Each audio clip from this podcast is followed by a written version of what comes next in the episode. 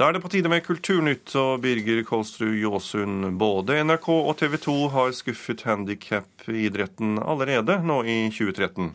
Ja, idrettskavalkaden ble ikke akkurat det de hadde drømt om. Ingen utøvere fra Paralympics ble tatt med i idrettskavalkadene på NRK og TV 2. Et stort tilbakeskritt for hele samfunnet, mener styremedlem i Norges idrettsforbund, Tom Tvedt. Gullmedaljør fra London Paralympics, Sara Louise Rung, er blant den som ikke ble nevnt. Dagens siste økt, så skal jeg i gang nå. Faktisk ikke om det blir hardt eller rolig i dag, men det, det er bare for å komme i, i gang igjen. Svømmeren Sara Louise Rung er i gang med dagens siste treningsøkt. Under Paralympics i London i fjor vant hun to gullmedaljer og to sølvmedaljer, men ble ikke nevnt med ett ord i idrettskavalkadene til NRK og TV 2.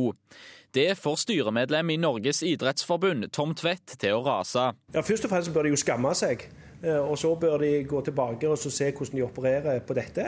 Eh, for dette er jo et lavmål. I Norge så skal alle være med, uansett om man er funksjonshemma eller funksjonsfrisk. Vi deltar på like vilkår, og vi gjør det samme for nasjonen for å få de gullmedaljene som finnes. Og Tvedt mener at utelatelsen av Paralympics-utøvere handler om et større bilde enn bare en idrettskavalkade. Det er jo sånn at eh, dette med å integrere, at vi alle har like muligheter, har jo vært et nasjonalt mål.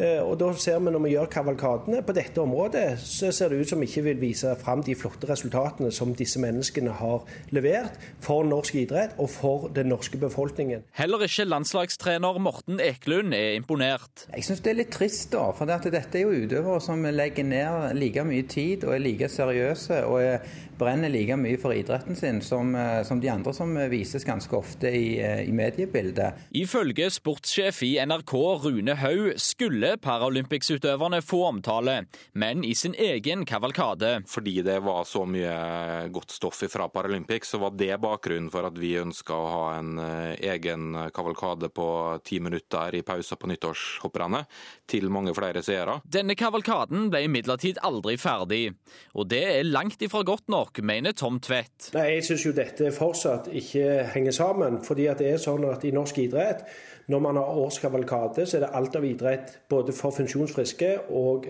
funksjonshemmede. Så det at man skal lage et eget program for de funksjonshemmede, syns jeg ingenting om. Det er selvfølgelig litt dumt at eh, paralympisk idrett ikke blir tatt med. Da. Et mål for en funksjonshemmet person som en funksjonsfrisk er det samme. Så absolutt, det, det jobbes med like mye. Reporter i denne saken det var Frank Bremnes. Striden mellom Kanal Digital, TV 2 og staten ender i retten. Krangelen handler om hva kabelselskapet skal betale for å sende TV 2, og har vart i ett år. Regjeringen har tidligere oppnevnt en kabeltvistnemnd, og denne nemnda er det Kanal Digital nå går til retten med. Saken starter i mai, og det er satt av åtte dager i Oslo tingrett. Dette ifølge Dagens Næringsliv. Revygruppa Bløgg i Lakselv skaper furore med et revynummer hvor de langt på vei identifiserer folk og antyder at de er med i et såkalt swingersmiljø. Ordføreren kaller nummeret ondsinnet, og ifølge den samiske avisen Sagat vurderer han å gå rettens vei mot revygruppa. Revygruppa selv hevder navnene i sangen er eh, helt tilfeldige og tatt rett ut av løse lufta. I år er det 100 år siden kvinner fikk stemmerett her i landet, og hos Den eh, nasjonale scene i Bergen åpner de jubileumsåret med et nyskrevet stykke av og om kvinner, som har markert seg i kunst og eh, kvinnesak. Vi er er. Skuespillerne på Den nasjonale scene øver på sangen 'Vi er mange', en av gjennomgangsmelodiene under kvinnekampen på 70-tallet. Men det første og kanskje største slaget sto på slutten av 1800- og begynnelsen av 1900-tallet. Da kvinner som Camilla Collett, Fernanda Nissen, Fredrikke Kvam og Gina Krog gikk i bresjen for å få stemmerett for kvinner. Herved erklærer vi stemmerettsjubileet 2013 for åpna. I 1913 vant de fram. Nå feirer Den nasjonale scene 100-årsjubileet med en urpremiere forteller teatersjef Agnete Haaland. Det er jo viktig å faktisk hylle de kvinnene, og også mennene, i historien som har bidratt til å gjøre det mulig for både menn og kvinner å være likestilt i et samfunn. En ting er å ha stemmerett, men å bruke den 'Kvinner som bruker sin stemme' heter stykket, der publikum blir tatt med på vandring i krik og krok av bygget til Den nasjonale scene. Publikum skal tas under scenen og over scenen, opp på loftet og ned i kjelleren og inn bak alle de indre gemakkene. Fordi det er også en måte å trekke historien inn i samtiden på. Som vi drømte om å være befridd. I andre etasje spiller teatersjefen sjøl forfatteren Camilla Collett. Camilla Collett bør være et forbilde for alle, fordi hun turte å si fra i en tid hvor det var nødvendig å si fra. Hun fikk med seg mange. Stykket er skrevet av sterke, moderne kvinnelige forfattere som Olaug Nilsen, Cecilie Løveid, Maria Tryti Vennerød og Marit Tusvik. Skuespiller Ane Skomsvold debuterer som dramatiker med sine tekstbidrag. Jeg tenker at Det viktigste er ikke nødvendigvis det der historiske, mm, alle sakene de gjorde, årstallene og sånne ting, men, men rett og slett um, offeret de gjorde for oss som menneskehet, nesten. Og at man kanskje kan trekke paralleller til ikke bare kvinner, men alle som måtte ofre seg for menneskeheten i dag. Da. Både Anne Skomsvold og Agnete Haaland håper at årets stemmerettsjubileum også kan få oss til å rette blikket utenfor vårt eget land. Det er jo ikke stemmerett for kvinner i verden. Det er jo i Norge. Vi kan liksom si ha-ha-ha, vi er jo så kommet så langt i Norge. Men hele verden er ikke der i dag. Vi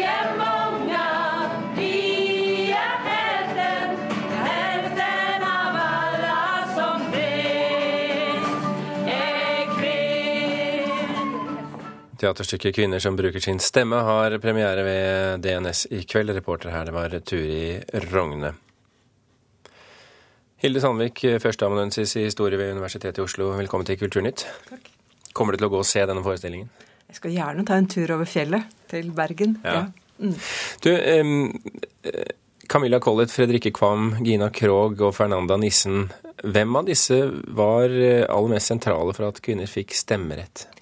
Det mener jeg var Gina Krog og Fredrikke Marie Kvam. Um, det er klart at Camilla Collett også var veldig viktig, men hun var først og fremst viktig som en pioner i offentligheten. Um, så det, og både, eller særlig Gina Krog, viste veldig mye til Camilla Collett som et forbilde, som pioneren. Men det var Gina Krog som satte stemmeretten på programmet ved at hun i 1884 eh, satte dette fram som et krav i, i artikler i Nytt norsk tidsskrift.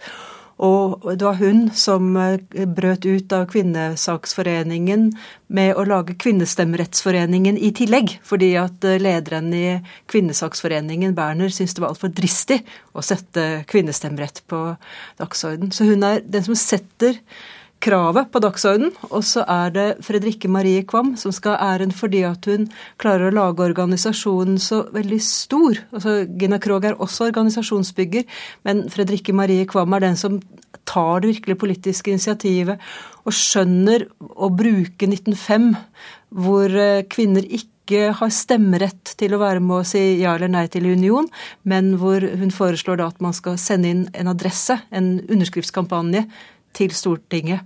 Og der deltar da altså tre, omtrent 300 000 kvinner, dvs. Si omtrent alle norske kvinner, voksne kvinner, skriver under. Hvor modig var det i sin tid? Ja, det er eh, modig fordi Gina Krog skriver det at når vi nå går ut i offentligheten, så vil vi bli latterliggjort. Vi vil bli møte motstand. Og det gjorde de også. Altså, man sa på Stortinget at en offentlig kvinne, bare det, altså ordet forbyder, det, det, det er omtrent det samme som å være prostituert. ikke sant? Så de visste at de ville få mye mot seg. Og en av måtene deres å takle dette her på, takle det der å stå fram i offentligheten, det var rett og slett å sakse disse her utsagnene fra luthersk ukeskrift og fra biskop Høek sine innlegg i Stortinget, og så, og, og så, ta det inn i sitt eget tidsskrift, i sin egen avis, som Gina Krog redigerte, som het uh, Nylende. Og der, uh, der, kom disse ordene, så ble de på en måte hengt opp til uh, skam. Hvor, hvor relevante er disse kvinnene nå i dag, 100 år etter? De er relevante, fordi slik som vi hørte nå i stykket fra Bergen, så er én ting å få stemmerett, men en annen ting er å bruke den. Og en kan se at rundt omkring i verden i dag så er det mange steder hvor kvinner har stemmerett, men hvor de mangler elementære rettigheter til å delta i samfunnet. Eh, senest i år, eller i fjor, så hadde vi jo tragiske eksempler på hvor ille det kunne gå når man var 15 eh, år og ville kreve å få utdanning for jenter. Malala i Pakistan ble skutt i hodet for den delen, og, eller for, for, for, å fremme slike eh, synspunkter. Så jeg mener at um, den viser oss både hvor aktuelt det er rundt omkring i verden i dag å, å, å ta i bruk og sette på dagsorden de eh, kvinners rettigheter. Fortsatt en eh, fortsatt, kamp, med andre ord. Fortsatt en kamp, ja. Hilde Sandvik fra Universitetet i Oslo, tusen hjertelig takk for at du kom til eh, Kulturnytt. Regjeringen har bevilget mer enn 70 millioner kroner til kulturskoletilbud i skolefritidsordningen, men midlene er ikke øremerket. Derfor frykter Musikernes Fellesorganisasjon at mange kommuner vil bruke pengene på andre oppgaver. Elverum er blant kommunene som nedprioriterer kulturskoletimen. Vedlegg til økonomiplanen i rådmannens forslag Statsbudsjett 2013 kulturskoletilbud én time i uka SFO-tid fra 1.8.2013. Skolesjef Tord Arnesen blar i budsjettpapirer som viser at politikerne i Elverum kommune ikke vil gi penger til én time kulturskole i skolefritidsordningen. Regjeringen gir 73,8 millioner kroner på statsbudsjettet til ordningen som skal være et gratis tilbud om musikk, dans og drama til skolebarn fra første til fjerde trinn. Men Elverum er en av flere kommuner som kan komme til å droppe tilbudet fordi pengene ikke er øremerket.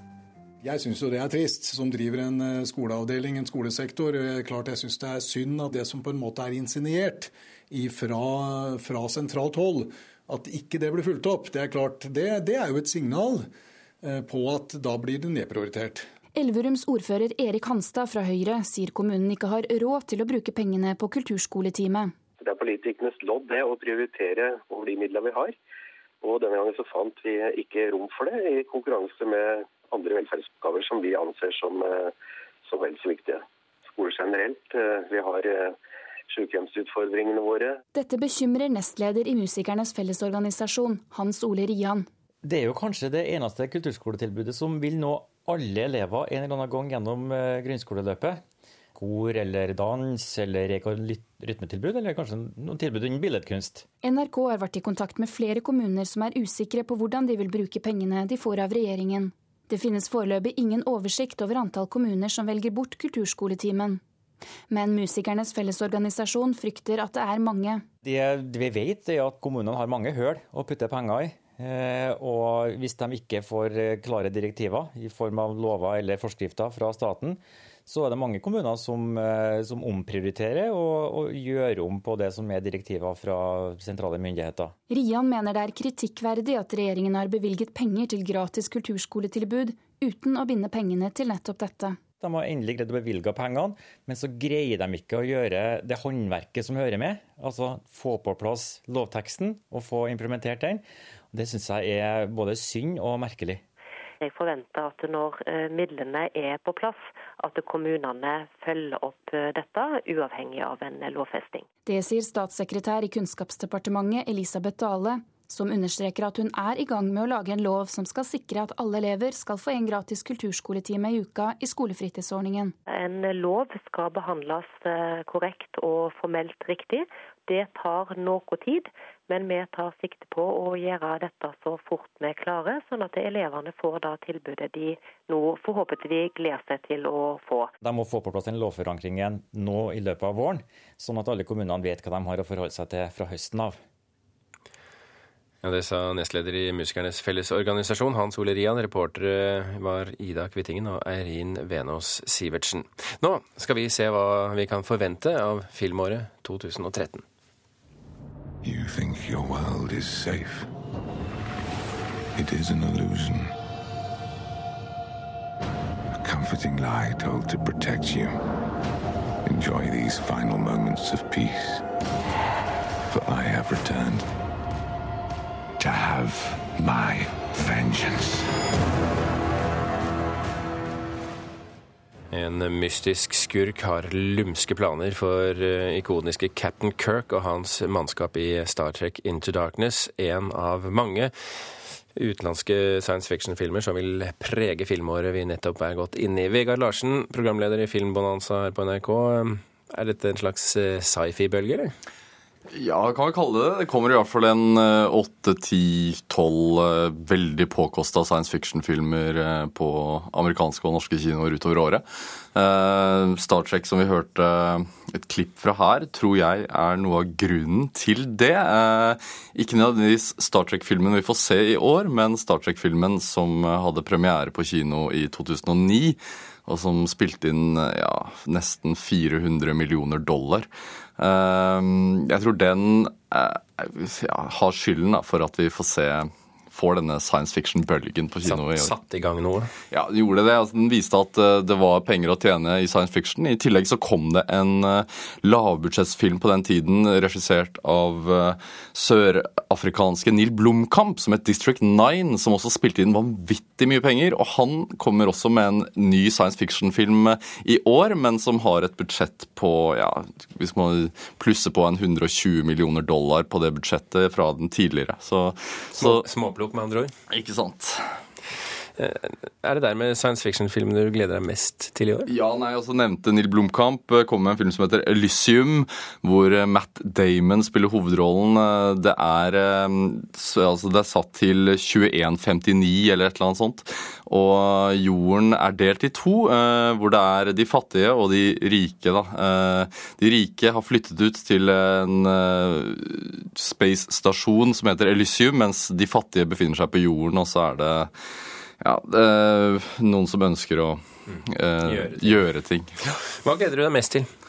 Hva jeg gleder meg mest til? Eh, Nei, hva skal man si? Jeg ser veldig fram imot uh, to danskers filmer. Både Lars von Trier og Nicolas Winning Refn uh, kommer med hver sin film uh, i år.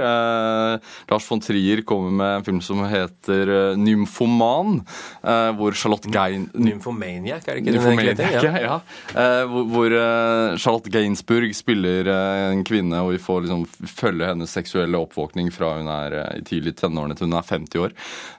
Og Nicolas Svinning Refne, som uh, gjorde stor suksess med Drive for noen år siden, kommer med en ny film uh, med Ryan Gosling igjen, da, men denne gang satt til Bangkok. Fra USA, da?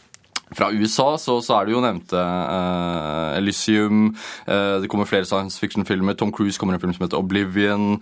Uh, sånne ting. Og så må vi ikke glemme at vi har to nordmenn som kommer med hver sin stor Hollywood-produksjon, som blir veldig spennende å følge med på og se hva de får til. Hvilke filmer er det? Harald Svart kommer med en film som heter The Mortal Instruments, som er første film ut i det som antageligvis blir en uh, filmserie på fem eller seks, hvis han får det som han vil. Uh, det er en ungdomsbok uh, som har blitt filmatisert, og de ønsker vel at dette skal bli da det nye Twilight. Ellers kommer Tommy Wirkola med, med sin Hans og Grete-filmatisering, som er en hva skal man si, splatter, skrekkfilm, komedie om Hans og Grete og deres heksejakt.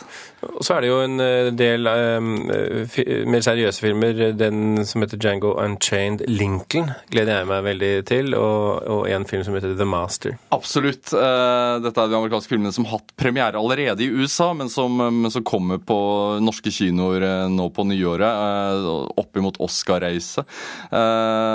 Lincoln er jo Steven Spielberg sin storproduksjon. Daniel Day-Lewis spiller hovedrollen, og dette er en Oscar-favoritt.